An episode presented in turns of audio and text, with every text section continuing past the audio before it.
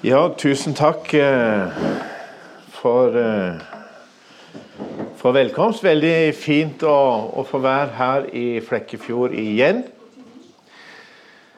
Det er en stund siden jeg har vært her. Jeg klarer ikke å huske når. Men eh, jeg husker i hvert fall det var veldig trivelig, og det ser jeg jo stemmer.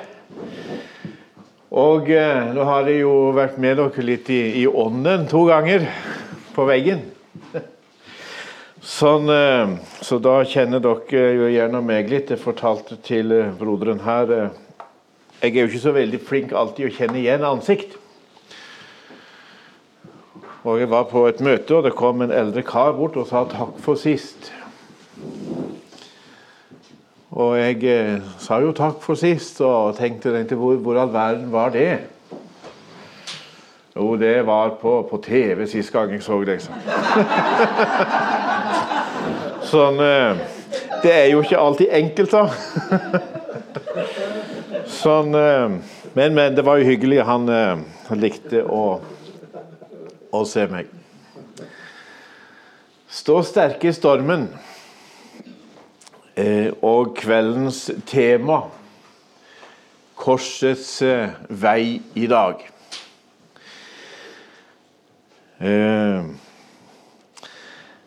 Nå har jo Ole undervist to ganger tidligere. Vi har Eller forhåpentligvis, hvis han har snakket om det han skulle snakke om. Så har han første kveld med, med 'Hvem er fienden?'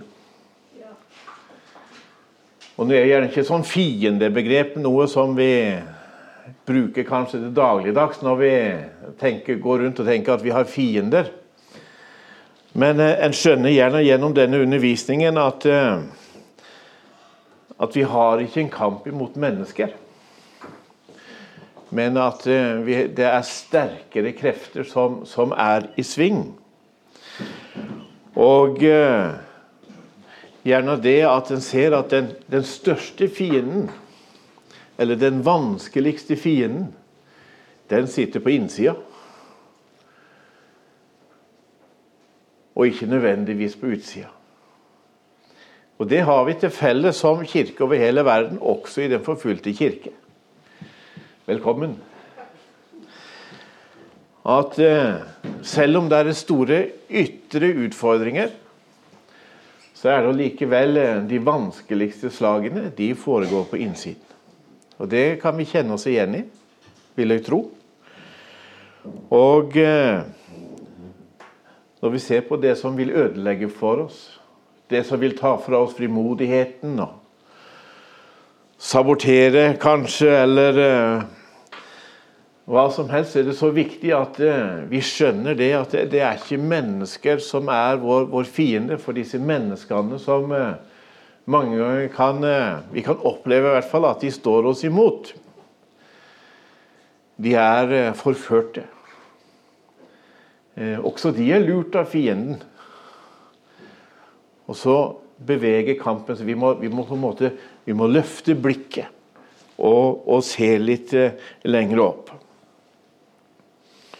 Og Sist gang så var det vel utrustning til, til seier.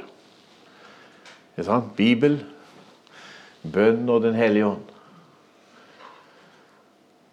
hvor viktig og avgjørende det er for oss å ha den tette relasjonen til Jesus. Å kjenne Guds ord og bruke det og eh, ta til oss av eh, hva Han sier. Fordi i denne kampen så, så, klarer vi oss ikke alene. Vi er ikke kalt til å, å være kristne alene. Vi er kalt til å søke fellesskap med Han og fellesskap med hverandre. Så relasjonen til Jesus alltid avgjørende. Om vi bor i Flekkefjord, eller på Ålgård, der jeg bor, eller om vi bor i Somalia eller Nord-Korea eller Afghanistan. Han er kraftkilden i våre liv. Og så er jo Stå sterke stormen et, eh, et kurs da som eh, berører noen punkter i, eh, i livene våre. Eh, og vi prøver å, utfordre på de noen av de si, virkelige tingene i livet. Det som på en måte vi, vi, vi, vi møter i, i, praksis i troslivet vårt. Og det kan eh, være krevende. og Det er ikke sånn at vi kommer her med ferdige svar. At dette kan de gjøre i Flekkefjord når de møter sånn og sånn. For det kan vi ikke. Det er ingen ferdige svar. Fordi at eh, vi er forskjellige som mennesker. Omstendighetene er forskjellige. Sånn er det jo også ute i felt òg. I, I, de landene vi jobber, der er jo ingen situasjoner som er, eh, som er like. Så det, det, er ingen enkle svar å gi til våre brødre og søstre i eh, Colombia eller Mali eller Nigeria. Fordi at det, det er forskjellig. Men vi må allikevel tilbake til fellesskapet med Jesus og fellesskapet med hverandre. Og så må vi hjelpe hverandre til å løfte blikket og se at dette er eh, kampen. Ja, den foregår på et annet plan.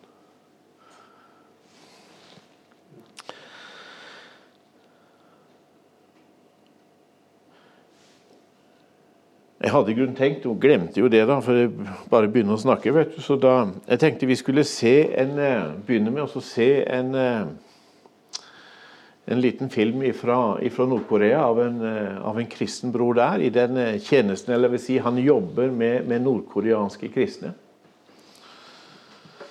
Skal vi be kort for, for denne tjenesten, her. Vi takker deg for vår bror. Herre, og vi ber om din beskyttelse og din velsignelse over han og alle de som han jobber med, Herre, i, i Kina. Herre, du, du som ser alle ting. Du ser også våre trossøsken i Nord-Korea, Herre.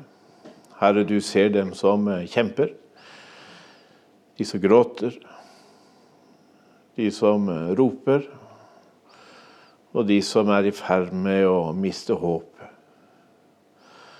Herre, vi ber om at du velsigner dem og gir dem en berøring Herre, en berøring som eh, varmer dypt i hjertet.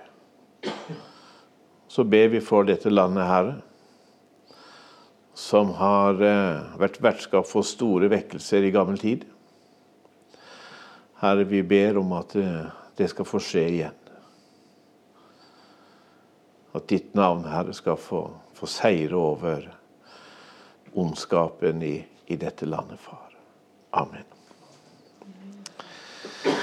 Ja, tusen takk til du som er med og ber for dette arbeidet. Det er eh, ikke godt å reise inn i Nord-Korea, men eh, bønnene våre de eh, kjenner ingen grenser. Sånn Der får vi samles sammen som kristne Nord-Korea og Norge. Vi kan være sammen foran Guds trone i bønnen. Stå sterk i stormen handler om å, å, starte noen prosesser, som jeg sa litt om her i sted. Sånn at du og kanskje menigheten, forsamlingen din eller bibelgruppa eller på en måte kan ta det med videre og kanskje jobbe videre med det. Kanskje først og fremst i bønn. For prosesser kan eh, noen ganger være like viktige som, eh, som svaret vi kommer fram til. Det kan også vanskelige prosesser være, og det, vi skal snakke om litt krevende ting i dag. Og når vi, når vi opplever krevende ting i våre liv, som kan, ting som kan være både vonde og sårbare og, og, og sånt, så kan vi bli sinte.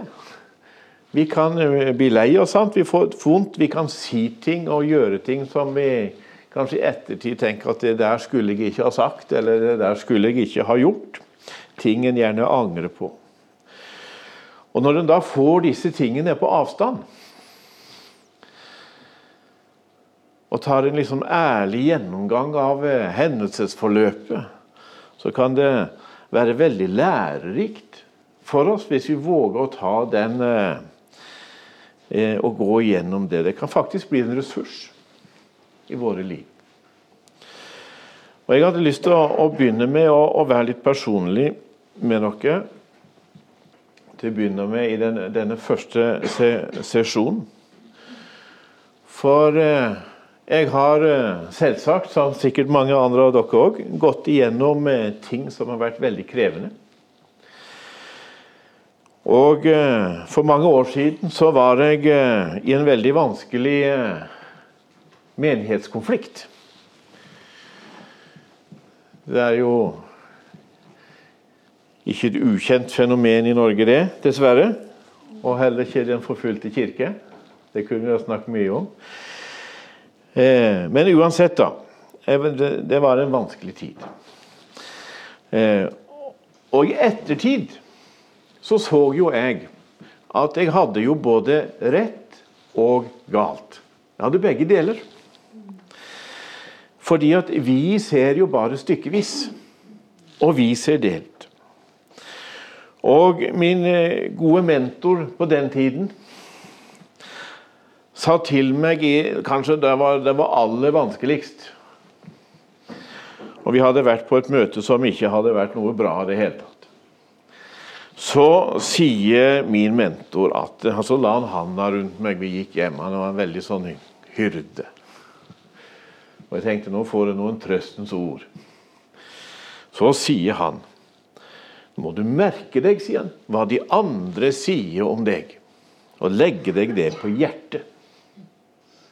Fordi at ingen tar bare feil. Det var en tøff beskjed å få. Men det var en veldig nødvendig beskjed å få for meg. For mitt fokus, det var jo hva jeg hadde rett i og hva de andre hadde feil i. Jeg var liksom ikke i stand til å tenke objektivt og, og, og, og vurdere nyanser og, sånne ting. Så jeg klarte ikke å ha en riktig vurdering av situasjonen. Og Oppi dette da, så sier da denne mentoren du må gjøre sånn og sånn. Og Da ble jo korsets vei for meg det ble jo å gå til disse personene som vi var hos striden med, og be om tilgivelse. Og for mine egne feil. Og erkjenne de, det betydde ikke at jeg gav de rett i, i, i, i selve saken, men jeg måtte ta ansvar for det jeg hadde gjort feil. Mine egne ting. sant? Og så kunne jeg sånn indirekte da utfordre dem til å å gjøre det samme, og si her kan vi snakke annerledes om dette. En del år seinere så var jeg eh, opplevde en ny konflikt. Nå er det ikke sånn vandrende i konflikter, altså, men ja, det høres sånn ut, da. Men da opplevde jeg en annen, da hadde jeg en helt annen rolle. Eh, men de erfaringene jeg gjorde i den første konflikten, hjalp meg til å tenke og handle mye riktigere i det neste.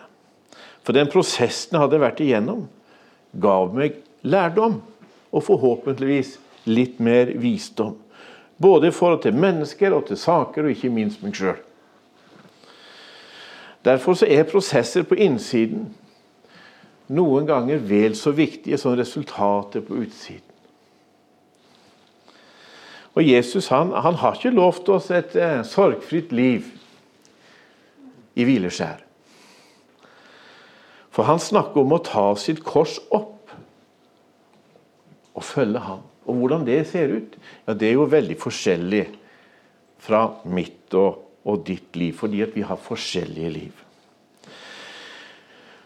Og så er det jo sånn at Når vi snakker om korset, så må det jo også sies da at eh, Korset er et veldig sentralt punkt i en kristens liv og i en forkynnelse. Jeg som kommer fra sambandsbakgrunn, har hørt mye taler om korset. Og det har sikkert du òg. I hvert fall fire. Kanskje fem, og enda mer. Vi har hørt mange taler om korset. Selvfølgelig. For det er jo fundamentet for troen vår. Jesu død på korset.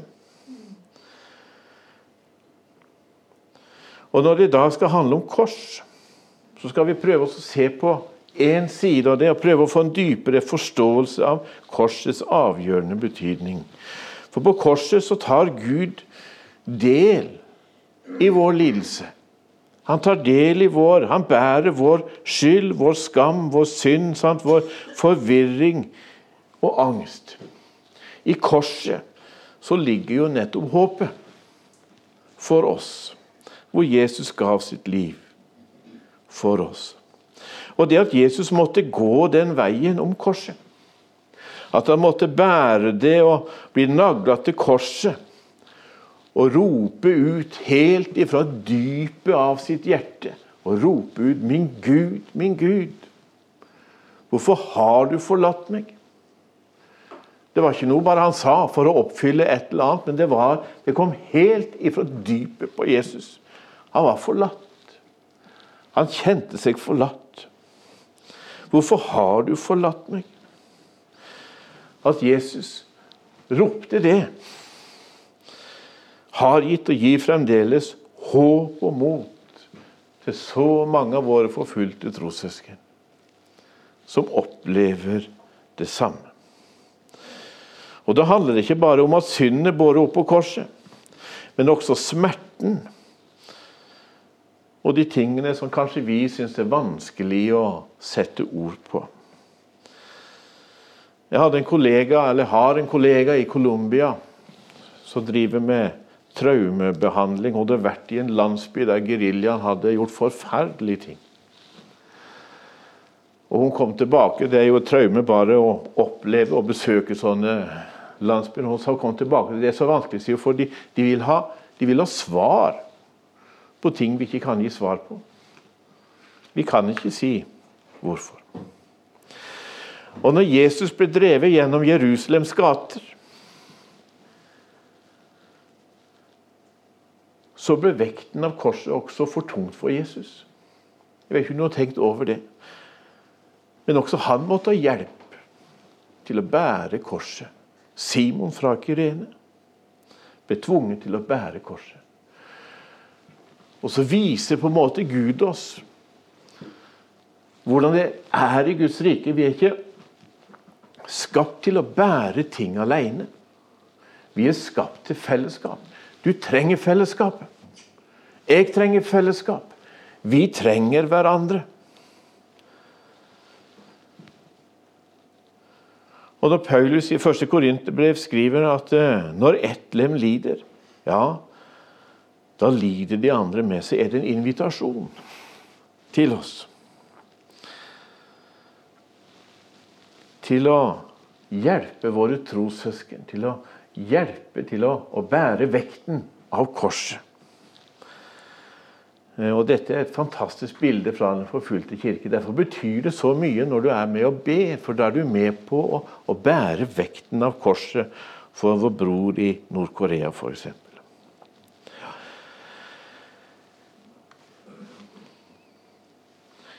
I eh, Lukas kapittel 9 så sier Jesus at om noen vil følge etter meg, må han fornekte seg sjøl hver dag og ta sitt kors opp og følge meg. Kors handler om død. Kors er et dødsredskap. Og Det å ta opp sitt kors vil jo da også handle om å dø. Å dø fra seg sjøl. Å velge et liv på tross av omstendighetene. Og Nå skal vi få reflektere litt sammen i, eh, rundt, eh, rundt, eh, rundt bordene. For hva tenker du det handler om når Jesus sier om noen vil følge meg, må fornekte seg sjøl og hver dag ta sitt kors opp og følge meg. Hva betyr det? Eller hva kan det bety? Ja, det har litt med vilje eller overgi sin vilje, og alt dette sånn. Eh, vi skal få mange spennende samtaler, hører jeg.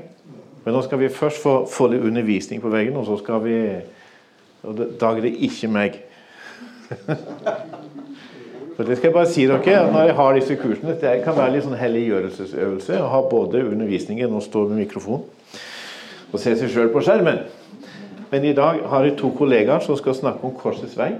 Og så skal vi fortsette samtalen etterpå. Jeg pleide å ha noen kaffepause etterpå. Hvordan er det etter undervisning? Pleier Ok, ja. Men da skal vi kikke litt på undervisning om, eh, om korsets, eh, korsets vei, folkens. For noen år tilbake skrev The New York Times om et tyveri eh, fra The Church of the Holy Cross i midten på Manhattan. Rett før gudstjenesten en søndag i august så oppdaget vaktmesteren at noen hadde fjernet en over 100 kg tung Jesus-kultur fra det store trekorset som hang på veggen over kirkedøren. Det at det var stjålet, var én ting, men måten det var gjort på, vekket kanskje enda større undring. Denne skulpturen, nesten fire meter høy og med en kjerne av stål, var boltet fast til korset på fire steder. Tyvene hadde klatret opp på kirkeveggen og skrudd ut boltene og fjernet Jesus-statuen. Vaktmesteren i kirken han uttalte til avisen jeg tror de har tenkt. Vi lar korset bli igjen, og så tar vi Jesus. Vi vet ikke hvorfor de bare tok han, men jeg tenker at når de først tok risikoen, hadde det vært mye enklere å ta hele krusifikset.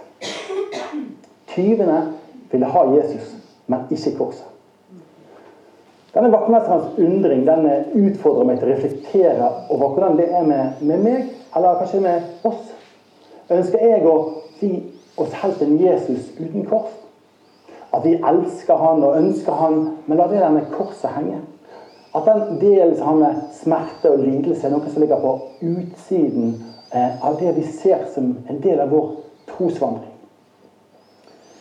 Ja, og Jesus sa 'følg meg'. Men den som vil følge meg, må hver dag ta opp sitt kors.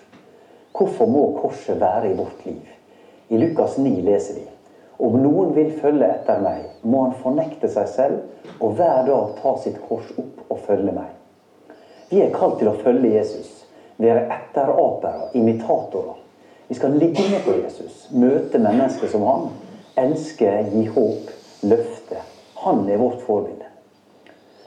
De første kristne leser vi om i apostelgjerningene, og legg merke til starten her. Om hvordan de ble godt likt av folket Altså De kristne var og sto for noe positivt, og var vel ansett blant hele folket. Dette høres jo fantastisk ut. Det er fred og harmoni, det er enkelt og greit. Perfekt, suksessfullt og herlig kristenliv. Er det ikke sånn vi vil ha det? Tenk om det var slik at vi alltid ble tatt imot, ønsket velkommen, og folk tok imot full pakke med glede og jubel. Det er nesten som et amen og halleluja. Sånn har vi kanskje hatt det også her tidligere. At det var litt sånn good to go. At det var lett å være kristen. Vi ble godt likt av alle, ja, av hele folket. Men det er jo ikke eh, sånn mennesker som ønsker å leve åpent med troen sin på Jesus, eh, erfarer det er i Norge. Det er, må ha skjedd noe. Det som skjedde, hadde Jesus både undervist og forberedt disiplene på. Om at det ville skje. Fra å være godt likt av hele folket, så røyser det seg en motstand mot disse nye etterfølgerne av Jesus. Denne erfaringa har fulgt de som frimodig har forkynt Jesus, helt fram til i dag. I Lukas 6, 22 sier Jesus Salige er dere når folk hater dere, når de utstøter dere, håner dere og skyr navnet deres som noe ondt for menneskesønns skyld. Altså denne motstanden kommer som en følge av forholdet til Jesus. Ja, en kan si at det er retta mot Jesus i den troende. Mennesker som bekjenner Jesus navn og har en relasjon til ham, skal bli forfulgt. Når mennesket tar imot trua på Jesus, og Gud tar bolig i et menneske, så røyser Guds fiende seg mot Jesus i den kristne. En går over fra et rike til et annet. Den kristne forlater denne verdens rike og blir borger av Guds rike. Dette leder oss til det som står i Romerne 8,17 om at vi er Guds arvinger og Kristi medarvinger. Så sant vi lider med Ham, så skal vi også få del i herligheten sammen med Ham. Men Ole Petter, er det ikke slik at vi er så vant til å høre om at Jesus, som jo tok all lidelsen og leid for oss, at det var liksom han som skulle ta seg av dette med lidelse? Mm. Ja, det å presentere eh, etterfølgelse av Jesus uten korset, og hva det innebærer, eh, det blir ikke å forsyne sant om hva det betyr å bli en Jesu etterfølger. Det at mange er blitt presentert både for et evangelium og etterfølgelse der korset er kommet i bakgrunnen. Ta imot Jesus, og du vil bli rikt velsignet. Og det er faktisk helt sant, men velsignelse i Guds rike rommer mer enn nåde for synd og frelse og helbredelse. Men også det å få lide og oppleve vanskeligheter og være til og med forfulgt. Og Se f.eks. i 1. Peters brev, eh, kapittel 2, 21. Der står det Det var jo dette dere ble kalt til, for Kristus led for dere og etterlot dere et eksempel for at dere skulle følge i hans spor. Eller fra saligprisningene i Matteusevangeliet kapittel 5 vers 10. Salige er de som blir forfulgt for rettferdighetens skyld, for himmelriket er deres. Gud sender ikke lidelsen til oss, men han kan bruke lidelsen til å føre sitt folk nærmere til ham. Og det er en ære for lide for Kristus skyld. Og det kan oppleves ganske fjernt for mange kristne i Vesten og her i Norge. Eh, Jesus kaller oss til å vandre på korsets vei. Og hvor det sentrale er å fornekte seg sjøl. I Lukas eh, kapittel 9, eh, vers 23-24 står det om noen vil følge etter meg, så må han fornekte seg sjøl og hver dag ta opp sitt kors, følge meg. For den som vil berge sitt liv, jeg skal miste det. Men den som mister sitt liv for min skyld, skal berge det. Ordet om, korset er radikalt og et provoserende budskap. At du er villig med å lide, møte mange problemer, ja, kanskje til og med at gi ditt eget liv. Og på toppen av det ser det som en velsignelse. Kan være vanskelig å akseptere. Og det hadde de kristne i Korintermenigheten også problemer med. De klarte ikke å forstå det. For i den byen de levde, så var det mange kulturer og religioner og individualisme og personlig frihet. Det var satt høyt på det som var verdifullt. Og denne unge kristne menigheten her opplevde lite forfølgelse. Men det er i disse brevene til denne menigheten Paulus underviser om korsets avgjørende plass i vår, i vår tro. I første Korinterbrev understreker han betydningen av Kristi kors. Og i andre Korinterbrev så underviser han av betydning, korsets betydning i det enkeltes kristes liv. Det er en kostnad å følge Jesus, og det er et kors å bære. Det er reell lidelse, men en ære å lide for Jesu navns skyld. Og Her kan vi hente inspirasjon til å gripe dette om korsets betydning fra våre forfulgte kristne søsken. Dette veit de. De har erfart at det å regne seg som død, men levende i Kristus, gir deg frihet og hjelp, eller til og med seier under motstand, press og forfølgelse. Når vi mer og mer innser at det ikke handler om meg, og retter livet vårt inn mot at det handler om Han, Jesus i meg, så er vi fri. Uansett hva som da skjer, så er jeg trygg i Han, og vi har vår trygghet forankra i Han. Max Lucado har sagt det handler ikke om meg. Det fins noe befriende i å innse at det ikke handler om meg, men om Gud. Tenk at du og jeg skal få slippe at det handler om meg eller om deg. Det er befriende. Om vi skal trekke ut noe så langt, så er det at press og forfølgelse er en naturlig konsekvens av det å følge Jesus. Å ta imot Jesus begynner ved korset. Et sted for lidelse, død, men også for frelse. Og et liv med seier og kraft til å overvinne det vonde med det gode. Dette nye livet løser ut motstand fra Guds fiende, denne verdens fyrste, Satan. Han vil stenge oss av, stenge oss ute, stenge oss inne, stenge oss ned for alltid.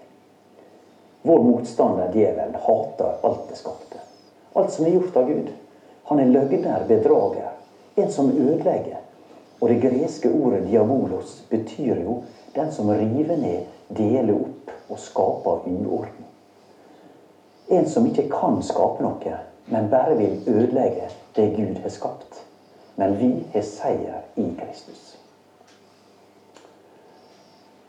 Det var et møte i en husmenighet i den kinesiske byen Dangong, rett ved grensen til Nord-Korea. Eh, der en av våre kollegaer fikk en rystende erfaring eh, i møte med denne husmenigheten. Han forteller eh, at det ikke var noe å utsi på den måten den brennende pastoren fremla bibelteksten til de 200 medlemmene i husmenigheten. Men han hadde aldri før opplevd å bli kalt for Satan. Pastoren forteller den tredje fristelsen Jesus møtte, var da djevel tilbød ham korset, riket uten korset. Djevelens budskap var egentlig du trenger ikke ofre så mye. Du trenger ikke ta på alle de spedalske, bruke netter og, i smerte og bønn og bli torturert og dø en forferdelig død. død. Men bare ta imot alt nå fra meg. Og så fortsetter pastoren. Kirken møter ofte denne samme fristelsen. Djevel tilbyr oss kraft uten lidelse. Og jeg må si dette selv om vår venn fra Vesten er her. Dette er en fristelse. En del av kirken frister en annen del med. Og Vi må kalle den delen av kirken for Satan. På samme måte som Jesus måtte kalle Peter Satan da han kom med det samme forslaget senere i Jesu tjeneste. Vår venn eh, han både utfordret og fascinert over hvordan pastoren med stor kraft gjennom Guds ord hadde utbygd den vestlige kirken eh, som kristen, og samtidig var full av spørsmål. Senere den kvelden over et måltid så fikk han forklart mer hva pastoren mente. Og Pastoren forteller at han hadde vært vertskap eh, året før for fem amerikanske pastorer, og alle med koreansk bakgrunn. De hadde med seg litteratur og et program for metodisk kirkevekst. Og I første omgang så det flott ut, men det inneholdt ikke ett ord om lidelsen. Også i prekene de holdt, så var det helt fraværende. Så lener denne pastoren seg over bordet til vår venn og hvisker. Når disse pastorene forkynner for den forfulgte kirken og nevner alt annet enn lidelse, tar de korset fra det kristne liv. Derfor må jeg si at de kommer med en satanisk fristelse. Den som sier at du kan følge Kristus, men ikke bære korset ditt, ikke bedre enn den gamle bedrageren sjøl. Jesus sa det til Satan, og han sier det til Peter. Og jeg skal si det til alle som tror at en kan være vitne for Kristus hvor som helst annet sted enn fra et kors. Vi lar korset bli igjen og tar med oss Jesus. Er det en fristelse for oss? Jeg tenkte vi kunne bruke kaffepausen og snakke litt om det. Er det en fristelse? Hvordan er det en fristelse? Og hvorfor er det sånn? Det er veldig kjekt å høre at praten går godt, og det er nesten litt sånn dårlig å avbryte. Men det er jo et, eh, et tema som vi kanskje ikke snakker så mye om. Og så må jeg også si med mine brødre her at det er jo, det er jo et vanskelig spørsmål. Og så er det jo også sånn i dette at det er jo helt greit å si at 'jeg vet ikke'. Det er ikke alltid vi vet hvordan ting ser ut. Dette med å, å ta opp sitt kors, hva all verden skulle det være? Jeg tenkte vi skulle Jeg kan gjøre sånn.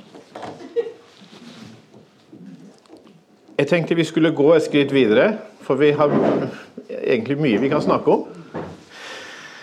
Eh, men jeg prøver å komme litt eh, Ta litt hverdag, for det er jo der vi er, stort sett, du og jeg. Eh, og prøve å konkretisere ting. Jeg tar litt sånn eksempel Case, som det heter på nynorsk.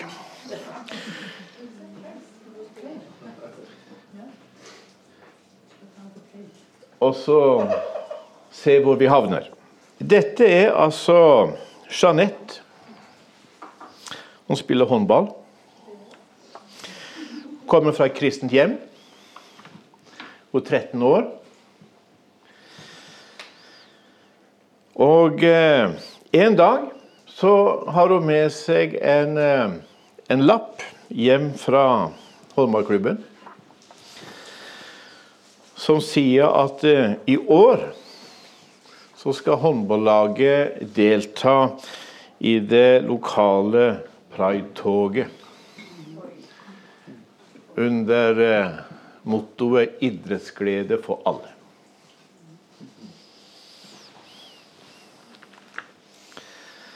Alle de andre på laget skal delta. Selvsagt. De skal gå med regnbueflagg og male seg og Masse sånn. Og så skal de etterpå så skal de gå og spise pizza på pizzabakeren og ha det kjekt.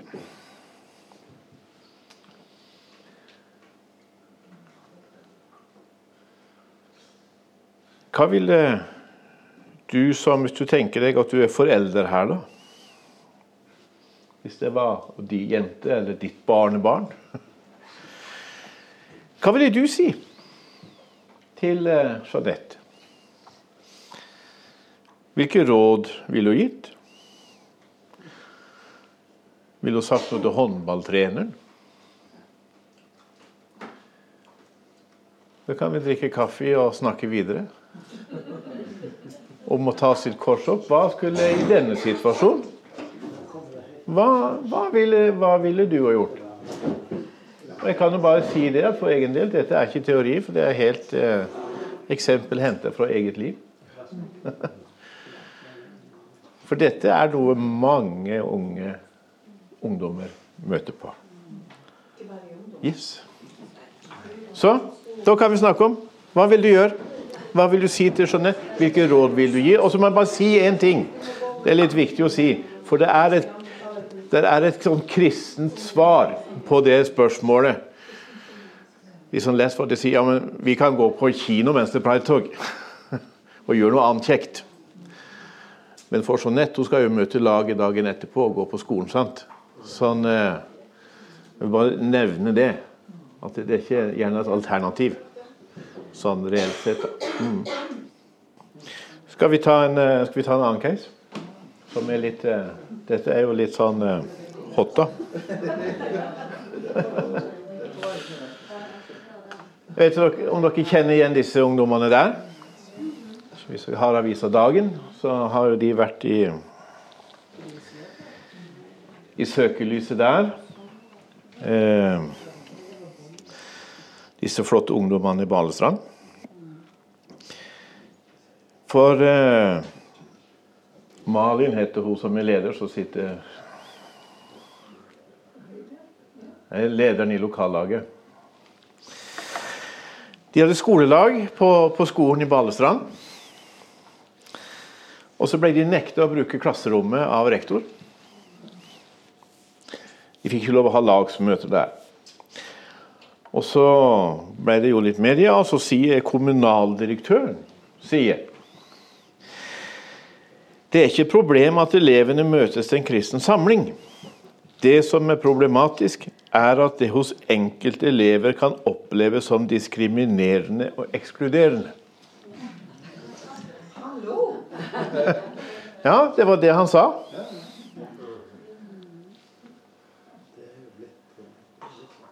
Hvordan er din reaksjon på, den, på det utsagnet?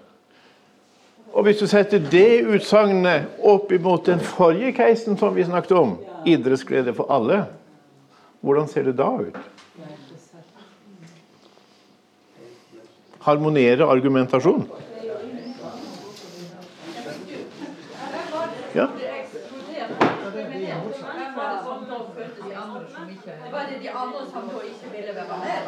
De som ikke gikk Problemstillingen for kommunaldirektøren var de som ikke gikk på lagsmøte. De kunne kjenne seg ekskludert og diskriminert fordi det var en kristen samling. Derfor kunne de ikke ha samling på skolen.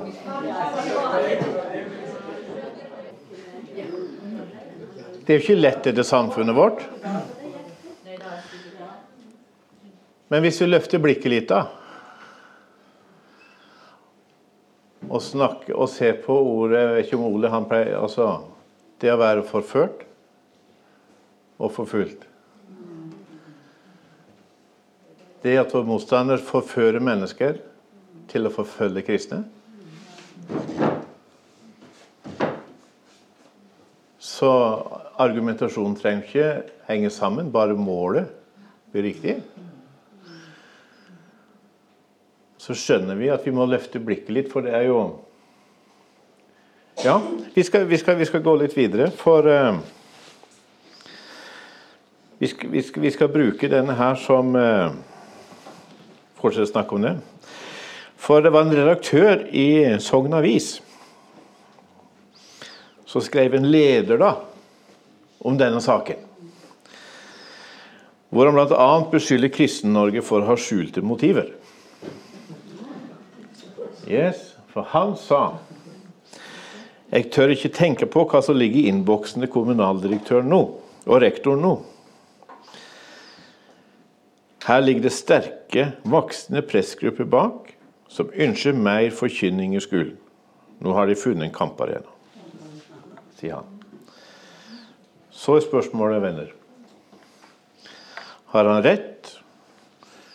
Har han litt rett? Eller har han bare feil? For Nå skal jeg gå litt videre på den. Fordi Og nå skal jeg provosere litt. Bare si fra på forhånd. Vi liker best det. Ja. For, eh, ikke for å overprøve eller eh, snakke om sånn sett konkret det som har skjedd der, men vi kan se litt sånn eh, Hvis vi løfter blikket litt. For her samles altså noen ungdommer i Balestrand. Ute på fotballbanen i regn og vind for noe som er viktig for dem. For det er faktisk så viktig for dem å samles at når de ikke får lov til å samles inne, så velges de å samles ute.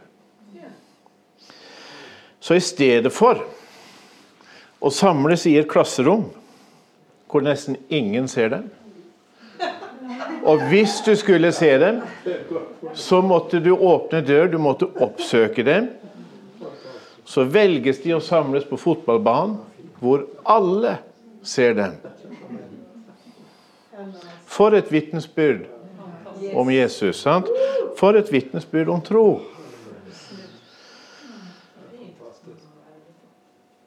Og så kommer jo dette vanskelige spørsmålet. Han der redaktøren. Har han eh, litt rett?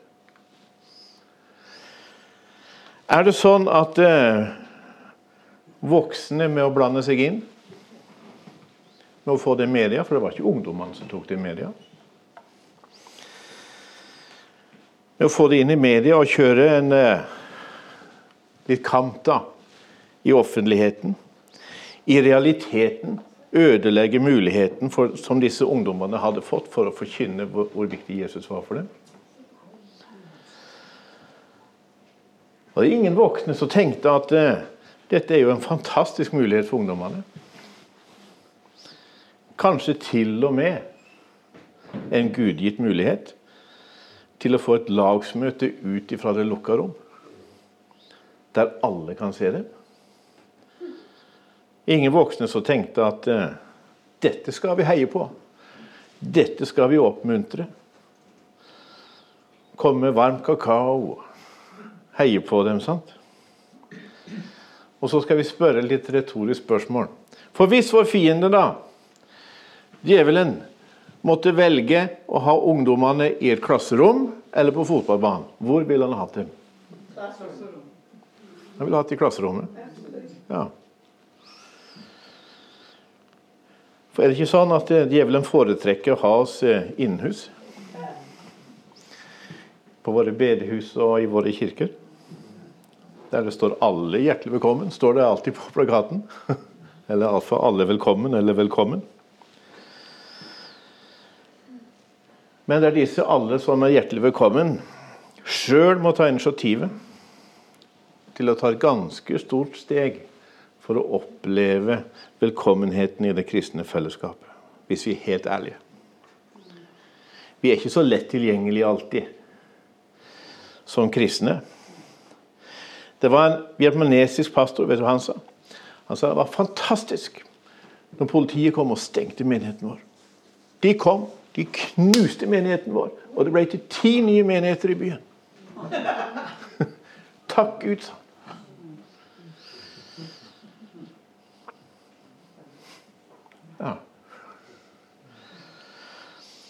For som kristne i dette landet så er vi egentlig ganske vant til å få det som vi vil. Vi er vant til å få kommunale midler til ungdomsarbeidet. Vi er vant til å ha skolegudstjeneste, og de som ikke vil gå, de må reservere seg. Vi er vant til å få kommunale midler til kirkebygg og sånne ting. Og når vi da mister det, og møter motstand i kommunestyret eller andre organer, så har vi en tendens til å gå til angrep. Og vi sender sinte mailer til både ordfører og kommunaldirektør. Og statsråder og kommunestyrer. Men vi er ikke kalt til å kjempe for våre rettigheter. Vi er kalt til å skinne for Jesus. Også om vi må gjøre det på fotballbanen. I en regnskur. Vi er kalt til å se etter muligheter for å forkynne Kristus. Selv om det koster oss når Bibelen snakker om livet. Og Den vietnamesiske pastoren han hadde alltid bagen sin klar med pakka med de mest nødvendige tingene. For han visste aldri når politiet ville ta ham. Og Jesus sa, 'Salig er dere når de for min skyld håner og forfølger dere, lyver og snakker rundt om dere på alle vis.' Gled og fry dere, for stor er lønnen dere har i himmelen. Slik forfulgte de også profetene før dere. Det står ikke at vi er salige når vi kjemper for byggene, for pengene eller rettighetene. Og så sa han redaktøren at vil du sikre en religiøs aktivitet et langt og kraftfullt liv, er det bare å forby han.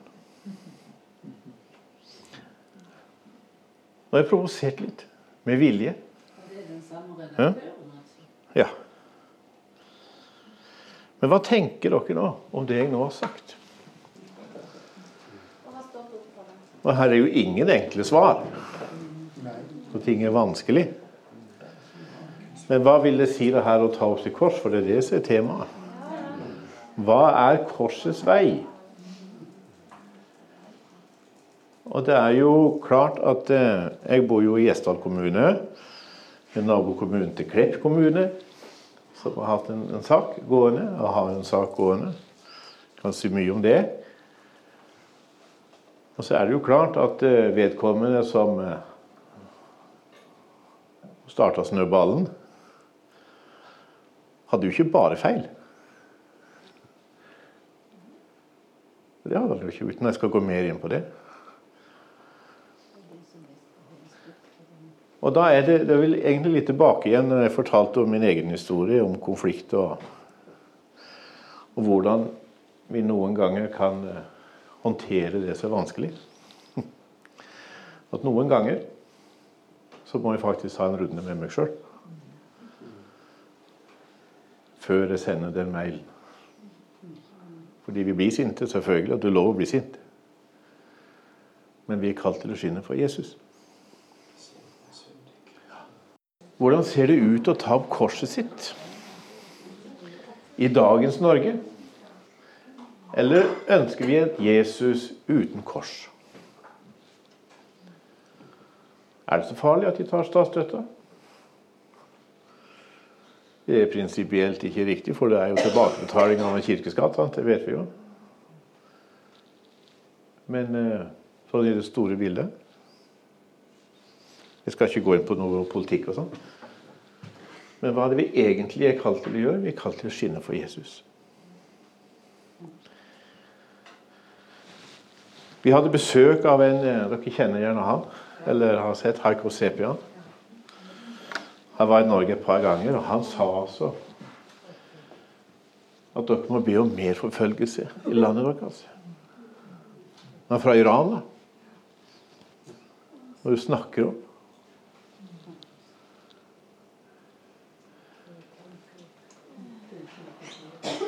Er ikke sånn at den ytre fiende samler? Det store problemet for kristne i Norge er ikke nødvendigvis den ytre fienden. Så det var for jenta mi, det var ikke Pride-toget. Men det var alle de andre kristne som gikk der. Den indre striden. Det er den som er vanskelig. Og det er den som lammer oss. Derfor så trenger vi sant? Fellesskapet med Jesus. Lese Guds ord og være forut. Og ikke tenke at det rammer ikke oss, for det, det gjør det.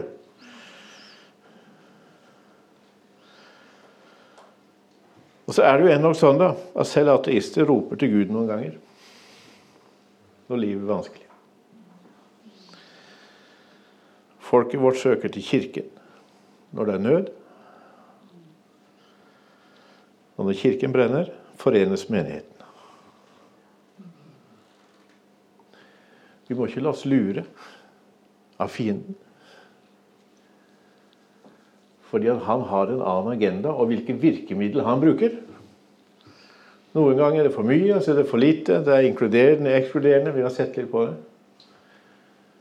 Men målet er jo hele tiden å splitte. Splitte og ødelegge.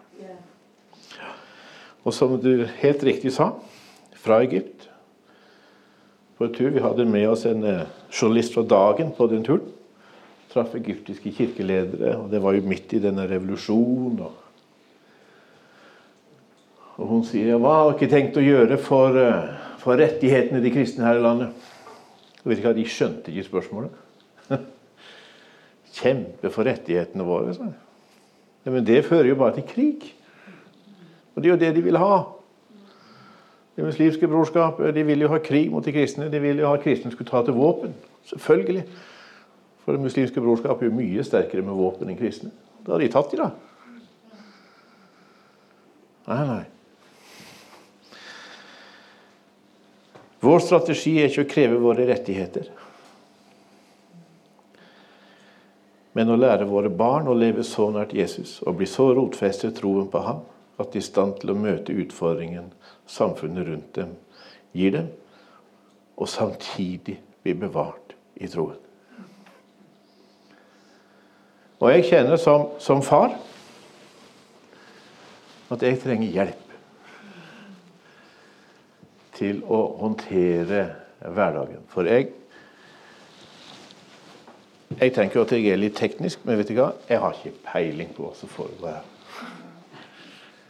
For det foregår så mye greier som former barnesinnene at en skulle jo aldri ha gitt dem en smarttelefon. Hvis det er sjuåringer, så går vi sånn. Åtteåringer. Og de gjør det i menigheten vår. Ikke de utenfor, men de gjør det i menigheten. Men så er ikke sikkert svaret er å forby dem. Men hvordan skal vi lære dem? Jo, vi trenger hverandre. Vi trenger å bygge relasjon. Vi trenger å gjøre dem trygge. Det er veldig kjekt å prate med dere, og når jeg provoserer. Men jeg gjør litt med vilje for å trimme de små grå. For det, det trenger vi. For det, er så, vi, det er lett å finne kristne svar på ting. Men det er ikke alltid de funker. Det er mange tøffe valg. I, I, vår verden. Har du ikke bladet til åpne dører, så ligger det blad ute på bokbordet. og Det er mulig å enten sende en SMS eller skrive seg på lista og få det en gang i måneden. Så kan du jo finne det på nettet, sant? det går jo an. Men eh, da gjør du de avhengig av at du oppsøker dem som har bladet. Så får de komme til deg en gang i måneden og si hei. Det trenger den forfulgte kirken. For de trenger noen å bære med, som er med å bære korset. Og så vil de vise oss og hjelpe oss å bære korset. For mange av våre forfulgte trossøsken tenker at eh, jeg vil heller bo her enn i Vesten. Fordi at forfølgelsen har en utgang. Forfølgelsen har en helt annen utgang. Jeg syns det, dette var rimelig godt tima, det må jeg si. Ja. ja. Dere skal vi avslutte med en bønn. Gode himmelske Far. Vi takker og priser deg for eh, den Gud du er. Takk, Jesus, for korset. Takk for at du ikke lot deg friste til å innkassere seieren uten korset.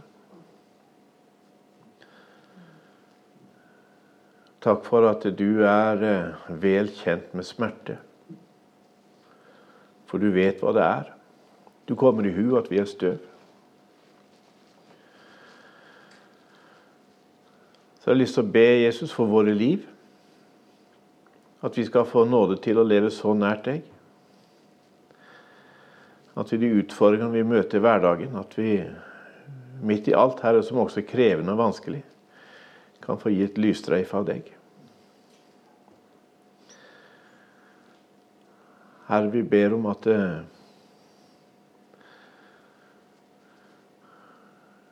vi skal få både kunne og erfare din varme her i hjertet.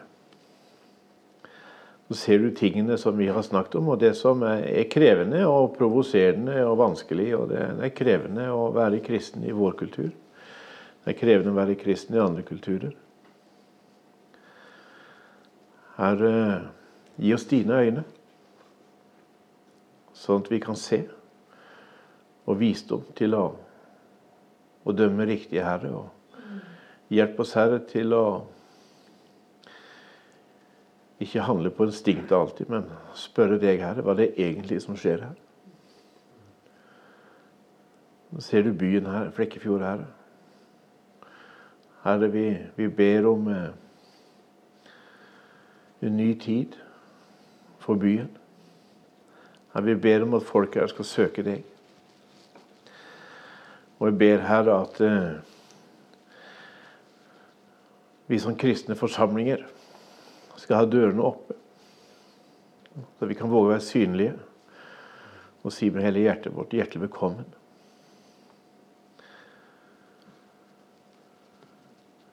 Så ser du våre liv i våre familier, Herre, og ting som kanskje er krevende og vanskelig. Herre, takk for at din nåde er stor nok også for det. Så ber vi for vår søster Herre fra Iran, Herre, som vi så her nå. Du ser alle andre som er på flukt. Herre, jeg har lyst til å be spesielt for de som uh, sliter med skammen, Herre, fordi at uh, de ikke klarte å stå imot. Fordi de gav etter. Og jeg ber Herre at de kristne fellesskapene som de tilhører eller tilhørte, skal være store nok til å slippe dem tilbake inn, selv om de falt. så de kan være med og, og bære korset. Takk for landet du har gitt oss. Herre, vi ber for skolevesenet, skoleverket, lærere, rektorer og kommunaldirektører her og alt det som vi har snakket om. Vi ber for media, Herre. Herre, vi ber om å ha media som eh, er opptatt av å snakke sant. Og formidle det som det som er sant og rett og riktig. Og vi ber Herre for politikere som eh, har en god substans, også i ting de er uenige med. Og så ber vi Herre for all forvirring som er i samfunnet vårt, Herre, at eh, våre menigheter og fellesskap skal få være en trygge base, Herre, til å også sted for å være på vandring. Til å være bevegelse inn mot deg. Herre, hjelp oss igjen, Herre, og se det som du ser. Takk for denne fine kvelden sammen, Herre. Velsigne hver en som er her. Herre, og styrke oss og holde oss oppe i en sann tro til det evige liv.